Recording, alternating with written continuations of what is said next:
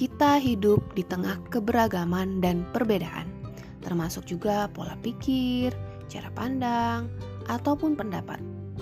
Kepada teman dekat sekalipun, gak jarang kita malah cekcok dengan mereka karena berbeda pendapat. Apalagi di tengah kondisi saat ini, kita tidak bisa bertemu tatap muka, sehingga setiap perbincangan yang kita lakukan itu dilakukan secara daring. Kita tidak lagi bisa melihat bagaimana reaksi sebenarnya dari lawan bicara kita. Hal itulah yang saat ini sedang mengganggu pikiran Tony.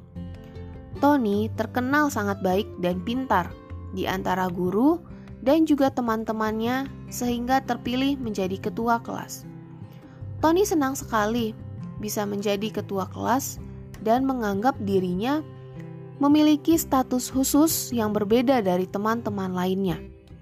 Tony menjadi terlalu bangga dengan status ketua kelas tersebut, sehingga ia tidak menyadari ia menjadi berubah ia merasa tidak sebanding dengan teman-temannya yang lain dan memilih hanya berteman dengan mereka yang memiliki nilai tinggi juga. Banyak yang menjadi tidak menyukai Tony karena hal tersebut.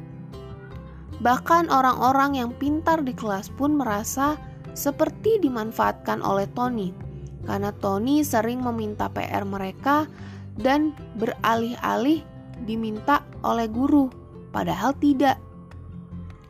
Tony yang pada awalnya merasa bangga, sekarang menjadi bingung dan merasa bersalah dengan apa yang sudah ia lakukan. Ia merasa tidak memulai status ketua kelasnya dengan benar karena terlalu bangga.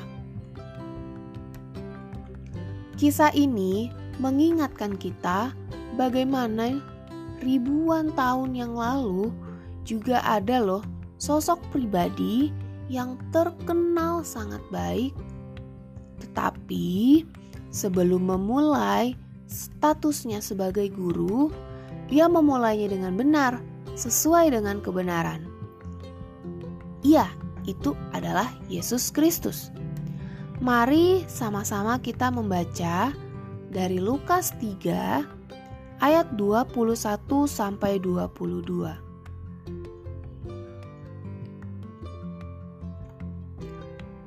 Lukas 3 ayat 21 sampai 22.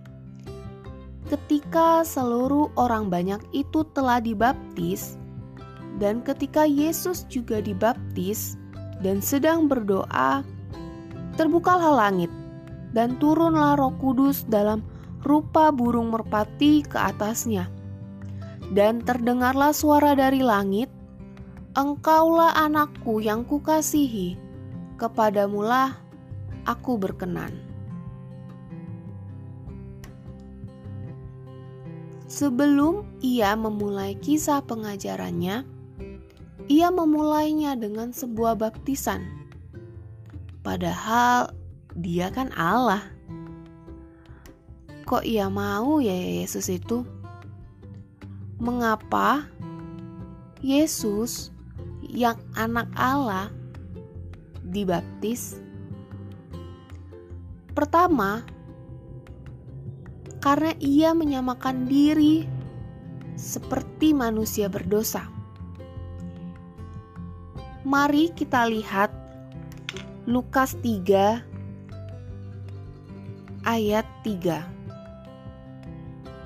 Kita coba buka bersama-sama Lukas 3 ayat 3. Maka datanglah Yohanes ke seluruh daerah Yordan dan menyerukan, "Bertobatlah dan berilah dirimu dibaptis, dan Allah akan mengampuni dosa kamu." Dari ayat ini bisa kita lihat bahwa baptisan Yohanes merupakan baptisan pertobatan untuk menerima pengampunan dosa tapi berbeda dengan Yesus yang tidak melakukan dosa. Dia tidak bercacat sama sekali. Maka dari itu, dalam pembaptisan tersebut tidak bisa kita lihat atau tidak tampak kita lihat adanya perkataan Yesus untuk mengakui dosa, karena dia memang tidak berdosa. Ia hanya menyamakan dirinya sebagai manusia berdosa.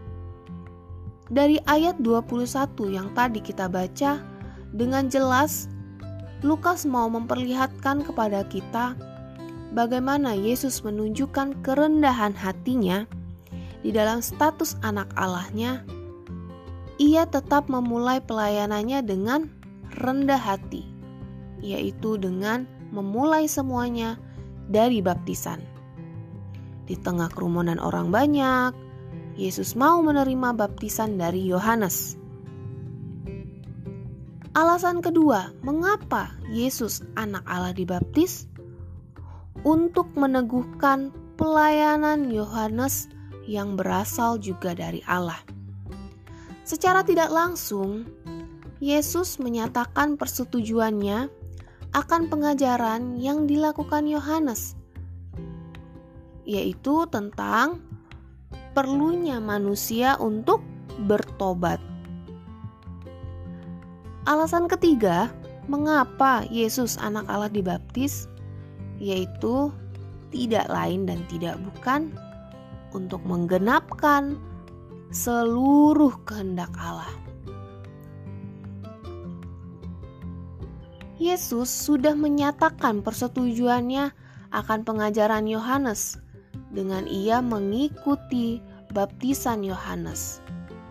Di sinilah Yesus berperan untuk menggenapi seluruh kehendak Allah seperti yang disampaikan Yesus Kristus sendiri pada ayat Matius 3 ayat 15. Coba kita bisa buka sama-sama Matius 3 ayat 15. Lalu Yesus menjawab, katanya kepadanya, "Biarlah hal itu terjadi, karena demikianlah sepatutnya kita menggenapkan seluruh kehendak Allah." Dan Yohanes pun menurutinya. Yesus datang bukan untuk dilayani, tetapi untuk melayani. Itulah yang ia lakukan dengan membuat dirinya dibaptis terlebih dahulu, agar disucikan sebagaimana para imam memulai tugasnya sebelum memulai tugasnya. Yesus mau memperlihatkan kepada kita kembali bagaimana rendah hatinya ia yang disebut anak Allah. Selain itu, penggenapan seluruh kehendak Allah ini itu juga kita bisa lihat dari hanya dua ayat ini aja. Bagaimana pemahaman sebenarnya mengenai Allah Trinitatis atau status Allah sebagai Allah Tritunggal. Kita lihat bahwa ada tiga pribadi dari Allah Tritunggal ini yang terlihat di satu saat yang sama, di mana ada suara Allah dari surga, di mana ada Roh Kudus yang turun dalam wujud merpati, dan adanya kehadiran Yesus pada saat itu menunjukkan kepada kita bagaimana Allah Tritunggal yang sebenarnya. Allah mempunyai tiga perwujudan atau tiga manifestasi, bukan tiga pribadi.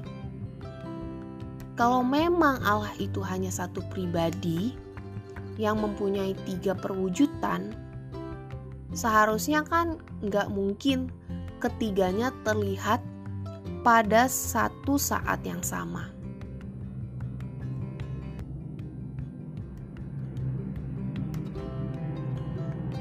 Cara kita memulai sesuatu yang baru, seperti pelayanan ataupun tugas, seharusnya kita lakukan dengan benar. Dari dua ayat ini, secara jelas Yesus menyampaikan caranya: berdoa, memberi diri dibaptis, dan biarlah tuntunan Roh Kudus yang menyertai kita. Yesus datang merendahkan dirinya, itulah yang ditinggikan oleh Allah. Lalu, mengapa kita selalu mau meninggikan diri sendiri? Mari kita lihat kehidupan kita selama ini.